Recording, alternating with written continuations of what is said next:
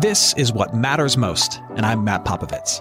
Look, life is crazier than ever, and lots of people, maybe even you, are feeling anxious and overwhelmed. Today's message is designed to help you figure out what's most important and to experience the peace and joy that God intends for you. Because life is a gift, and it shouldn't be wasted on worry. I'd like to give you a resource, something to help you navigate the road ahead. Just go to mattpopovits.com, click on the icon, and we'll send it to you. That's Matt, P-O-P-O-V-I-T-S dot com. And hey, if you happen to live in the Houston area, I'd love to see you on a Sunday morning at St. Mark in Spring Branch. Head to stmarkhouston.org to plan your visit. Here's today's message. Thanks for listening. Today, we are continuing a series that we have been in called Baggage, where we're looking at some of the, the hurts and the hangups and the wounds that we carry with us into very important parts of our life. And today, uh, driven by Paul's letter to the Ephesians, uh, we're going to be talking about the baggage that we bring to sexuality. And the scriptures tell us quite clearly no matter how uncomfortable you might feel about talking about this, no matter how awkward it might be to deal with this, especially in this day and age, that this is an important thing no matter our age, our stage of life. It's an important thing for all of us to wrestle with because it's a significant part of our lives and it's affected by and impacted by our faith in Jesus. Today we're talking about the baggage we bring to sexuality. And I know what some of you are thinking oh man, where is this sermon going to go? The only thing that'd be worse is if he were talking about money. Today is the day I brought a friend. This is my worst nightmare. Now, let me just say this. We're going to be speaking uh, along the same lines that Paul does. We're going to be talking in, in relatively general and foundational terms. Uh, I'm not going to be able to go into some of the details of how this gets lived out in life or how we, in light of this, should view certain things uh, that are alive and well in our culture today. That's not to say we don't have teachings on those things and those things aren't important. Some of the more political, social, cultural implications of the Christian view of human sexuality. Uh, those things are important. And at the end of today's sermon, I'm going to give you a link to some resources that I would suggest if you want to dive deeper into the implications of what it is that we believe about this. And at later dates and in other settings, we will walk through our whole view of human flourishing and human sexuality according to the scriptures. But today, we're going to be speaking in kind of a broad, foundational way. In order to do that, we have to begin by defining some of our terms for this conversation and articulating what the problem is. So, so, here's the terms. In Genesis chapters 1 and 2, we see that human beings uh, were created with at least three things in mind. We were created for spirituality, for relationships, and for intimacy. We were created as spiritual creatures, relational creatures, and as intimacy oriented creatures. Now, what I mean by spirituality is this that human beings are made by God with a hunger and a desire to connect with and understand the divine. Spirituality, in its broadest sense, is a drive and a hunger to connect with and engage with and to know and to experience God.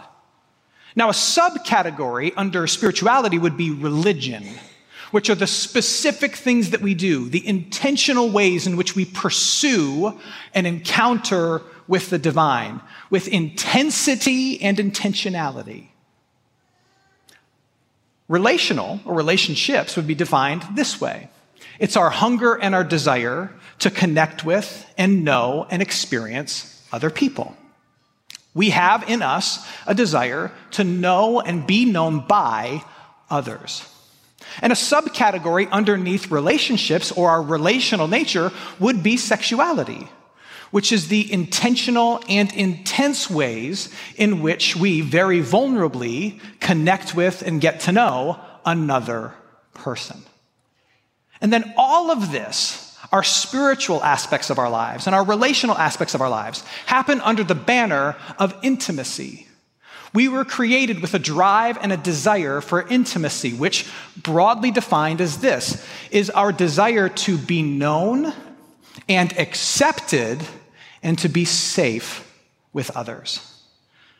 You have a need for intimacy, to be fully seen and to be accepted for who you are and to feel safe in that relationship. So, taking all this together, spirituality is how we pursue intimacy with who? with God, with religion being something very specific underneath that heading. And then Relationships are how we pursue intimacy with, with others, with sexuality being a subheading, a very specific one, underneath all of that. We are spiritual, relational, and intimacy oriented human beings. Now, that's kind of the foundation. Here's the problem, though sin in Genesis 3 enters the picture. And it ruins everything. And I'm not going to go into theological detail about the impact of sin. And instead, I'm going to give you an image. Um, think of sin, the entrance of sin into the world like this. Think of the entrance of sin, the fall of humankind, as the lights going out on the world. When things were created, the lights were on and we could see God fully and we could see each other fully. There was no darkness or misunderstanding or dysfunction anywhere. The lights were on and then sin enters the picture and all of a sudden the lights go off. And because the lights are off and we can't see and understand the world in which we used to, these gifts that God has given, among them spirituality and relationships and our desire for intimacy, these gifts, because there's darkness now, they fall to the ground and they shatter in a million pieces.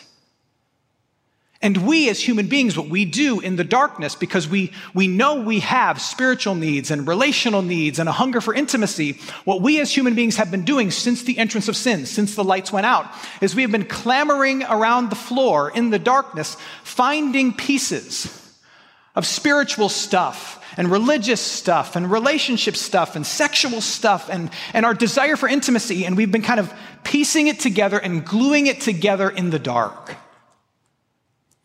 Now, let me ask you this. If, if you were in the dark and you knocked over a priceless vase, and I asked you to try and glue it back together in the dark, how good of a job do you think you would do? Can't even see the hand in front of your face, but you're supposed to put this thing back together. Best case scenario, you put something back together and it barely, barely resembles the original. And then you try and pour water in it and there's holes all over the place and you, you grab a hold of it too tightly and there's, there's sharp edges and it cuts you and it hurts you. That, that, my friends, is a picture of human beings trying to make sense of their spiritual needs and their relational needs and their intimacy needs in darkness. We know we have these needs. We know there's all these broken shards of this beautiful thing all over the place. And we're fumbling around in the darkness trying to piece something together. But what we piece together in the darkness of our sin stained minds and of the sin broken world isn't an accurate picture of what God ultimately designed and it has sharp edges and we hold it too tightly and we misuse it and there's holes all over the place and it can actually hurt us in some ways. And that's where your baggage comes from. That's where your baggage comes from. And that's what was happening in Ephesus. In this dark world, in the ancient world, dark like ours still, darkened by sin. In this ancient world, uh, the ancient people had taken their vague understanding of spirituality and their, their relational and, and sexual needs and all these other things, their desire for intimacy, and have kind of wound them together in this very warped spirituality. Now, I would like to say that, that things are very, very different from Paul's day and all that was going on in Ephesus. But you know what I'm going to say. Not much has changed. No, we don't have temples to Artemis. But we still have, because again, we're darkened by sin too, speaking kind of globally about humanity, we, we still have a, a, dysfunctional view of spirituality and religion. Uh, we still have a very dysfunctional view of what our relational needs are and a very narrow view of how to meet some of those things. We are hyper focused on one aspect of sexuality and relationships, and we lift that up as kind of ultimate, and we mix all of it together in kind of truly dysfunctional and unhelpful ways. And you've seen it. It's, it's one of the reasons why this conversation, even talking about it in broad terms like we are this morning, makes everyone so awkward because we, we all carry baggage related to this because of the day and age we live in because we are so mixed up, backward, and broken on this. The fact that I mentioned that word, sexuality, and we're going to talk about it today, and the fact that everything in you and me gets tense, we're like, oh, we can't do that, tells you just how dysfunctional the day and age we live in. Nobody's allowed to think anything. Nobody's allowed to say anything. You can't have any firm opinions. If you say the wrong thing, what happens to you? Yeah, exactly. You, you, you, get canceled or whatever we're calling it these days. It, it's just like trying to handle a nuclear bomb. Nobody wants to do it. And that in and of itself is evidence of the issue at hand. We just can't deal with it and talk about it.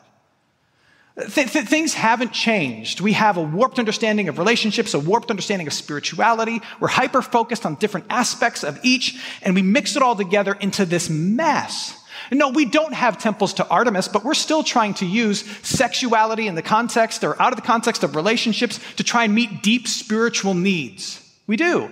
We don't have temples like they do in Ephesus, but, but my goodness, what do we have? We have websites that we frequent that we don't tell our spouse about.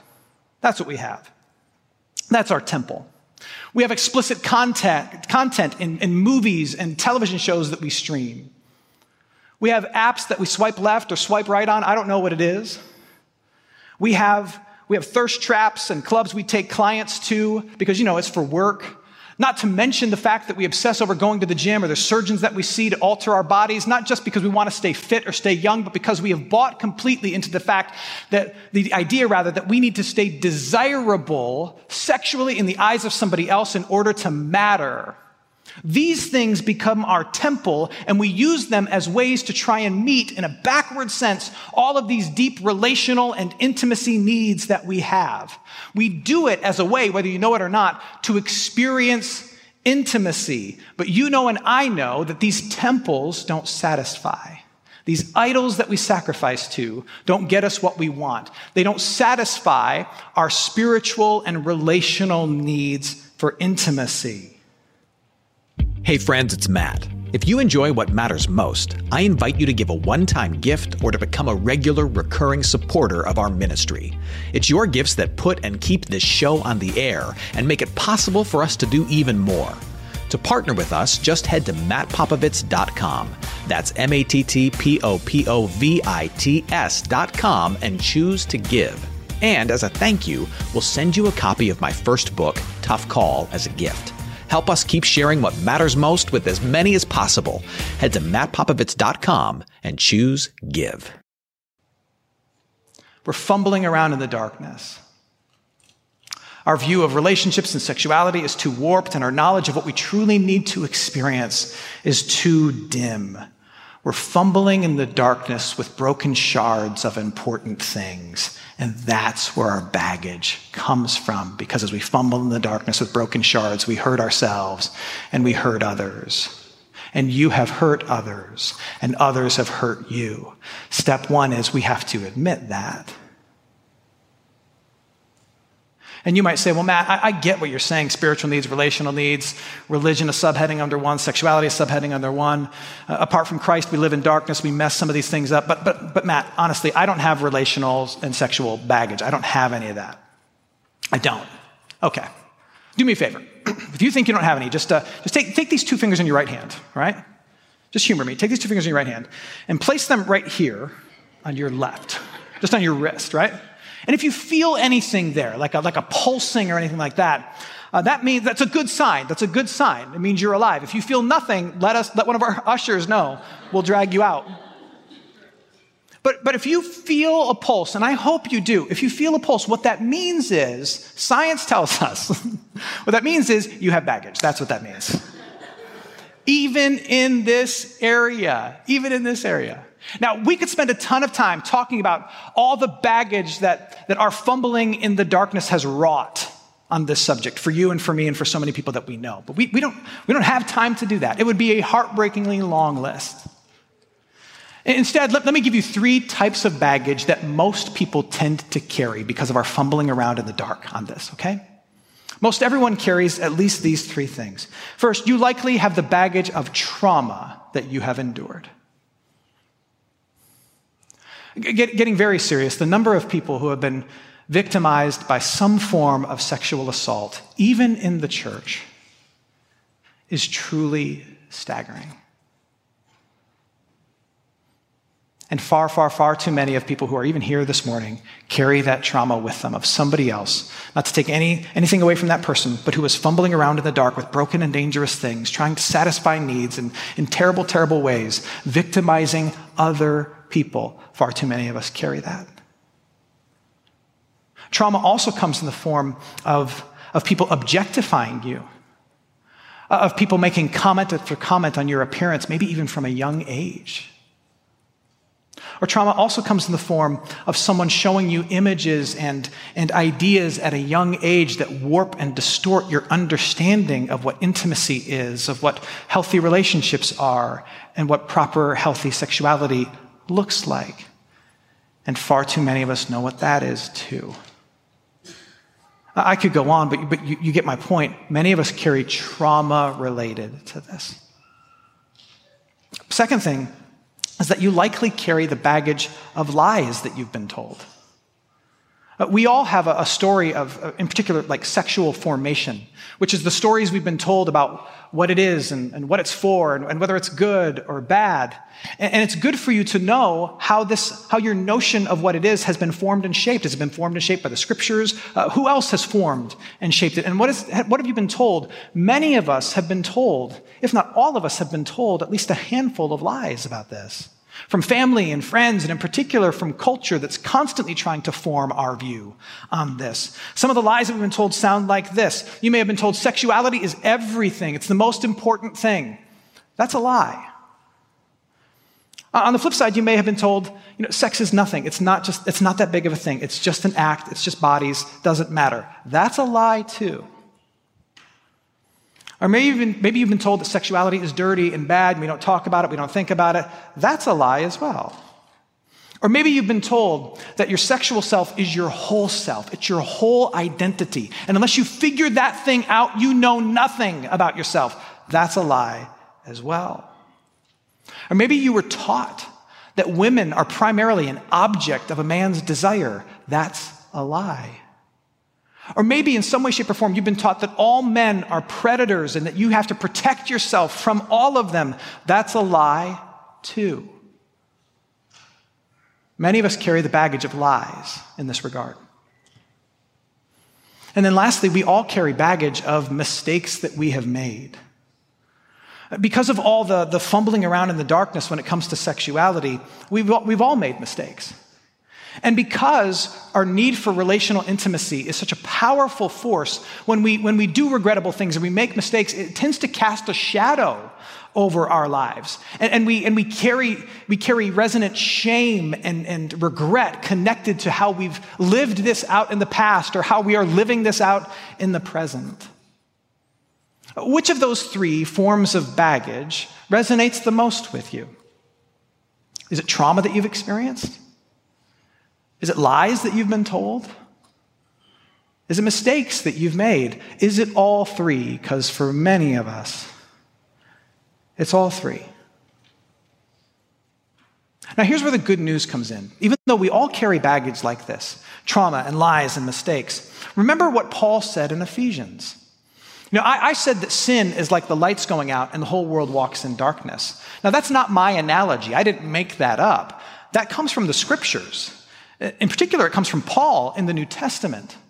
Because what he says is that though we are born into this world in darkness, fumbling around, making mistakes, misunderstanding things, abusing things, having too narrow view of things, even though we're fumbling around in the dark trying to piece together a broken masterpiece, he says something hopeful and, and ultimately life giving and comforting to you and me who happen to know Jesus. Ephesians 5, he says this. We're looking at verses 3 and 8. He says, But sexual immorality and all impurity or covetousness must not even be named among you as is proper among saints. Here's the key, verse 8. For at one time you were darkness, you were part of the unenlightened world. But now you are light in the Lord. Another way to translate this is you are enlightened by Jesus. In the ancient world, the first and second century, baptism was often referred to as enlightenment. The lights turn on. You have been enlightened in the Lord. Walk as children of the light. Uh, Paul calls the Ephesian church away from their dark and distorted sexual and relational practices. And he doesn't just say, stop it because it's bad or wrong. He says, stop it because that's not who you are. Everybody else lives in darkness. You don't live in darkness. You're a child of what? You're a child of the light. In you, through Christ, the lights have been turned on. Now, what does he mean by that? Well, well, I think he's speaking to so much of the trauma that comes with this. Take, for example, take, for example, trauma, mistakes, and lies. In an unenlightened view of the world, apart from Christ, your trauma drives and guides you in ways in which you don't even understand. It happened to you, and it's a wound you carry, and you might not even realize how you are constantly reacting to that wound. Constantly. But in Jesus Christ, the lights have been turned on, and you get to say, What, what happened to my body does not define me. What happened to Jesus' body in his death and resurrection defines me. The lights are turned on. Now you know what truly defines you. In, in, a dark and unenlightened view, you, you believe the lies and you don't even know that they're lies. But now you have the Holy Spirit inside of you. You have the Word of God in front of you. You have Jesus speaking to you and leading to you. And you have something that you can take all this stuff that you've inherited and learned and you can compare it against and you can hold it up against the truth of the Word. You now have the light. You now have truth in Jesus. You don't have to simply live by lies. And then, most importantly, oh my goodness, most importantly, the mistakes that you make that you feel like cast a shadow over your life cast no shadow at all because Jesus Christ has covered you in the bright light of the mercy and grace that He has earned for you.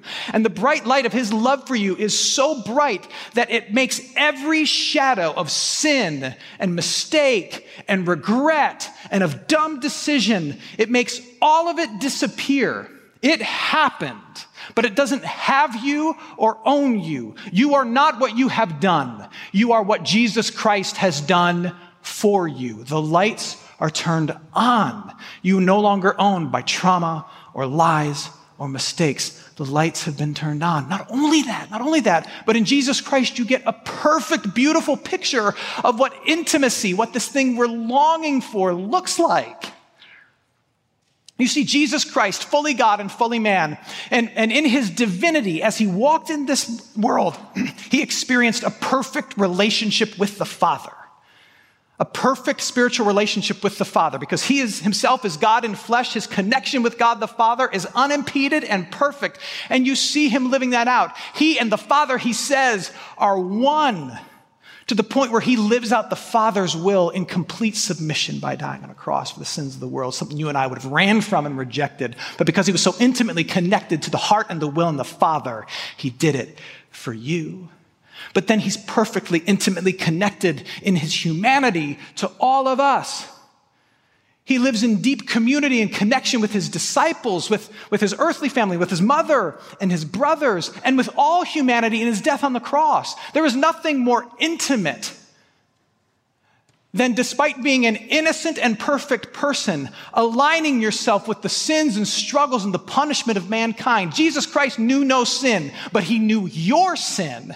And he willingly went on a cross and he took our nakedness and our shame. We're the ones who stand naked and ashamed for all that's been done to us and all that's been done by us. But what does Jesus do? He says, I'm perfect, but I'm going to align myself with your nakedness and your shame and your hurt and your sadness, and I'm going to be tacked on a sinner's cross with no clothing on my body and with no defense on my lips. And he did that to align himself with your hurt and your wounds and your shame and your shadow side. But not only did he align himself to you in such deep and incredible intimacy, he conquered the darkness by rising out of the grave. He not only aligns himself with your sin and your shame, he shows your sin and your shame and your darkness to be powerless because he rises out of the grave and he defeats it. And he says, That victory now belongs to you. That's why you walk in the light. Because I conquered your sin and your shame. I conquered the trauma and the mistakes and the lies. I conquered all of it. So now you belong to me by virtue of your belief and baptism. Walk in the light. He shows us perfect intimacy in his relationship with the Father and then what he does for us to forgive us and make us his own. And intimacy is what we are after. Hey, it's Matt. I hope you enjoyed what matters most. Here's what I need you to know life is a gift, and it shouldn't be wasted on worry. I want to help you figure out what's most important and to experience the peace and joy that God intends for you. So for more content, you can head to mattpopovits.com. That's Matt, P O P O V I T S.com. There you can also support this ministry, as well as access your free resource, a little something to help you navigate the road ahead. I'd also love to see you on a Sunday morning. if you're in the Houston area, head to stmarkhouston.org to plan your visit. In the meantime, hit me up on Instagram at mpopovits or at facebook.com slash Matt Popovits Ministries. Thanks for listening. Now go and hold tight to what matters most.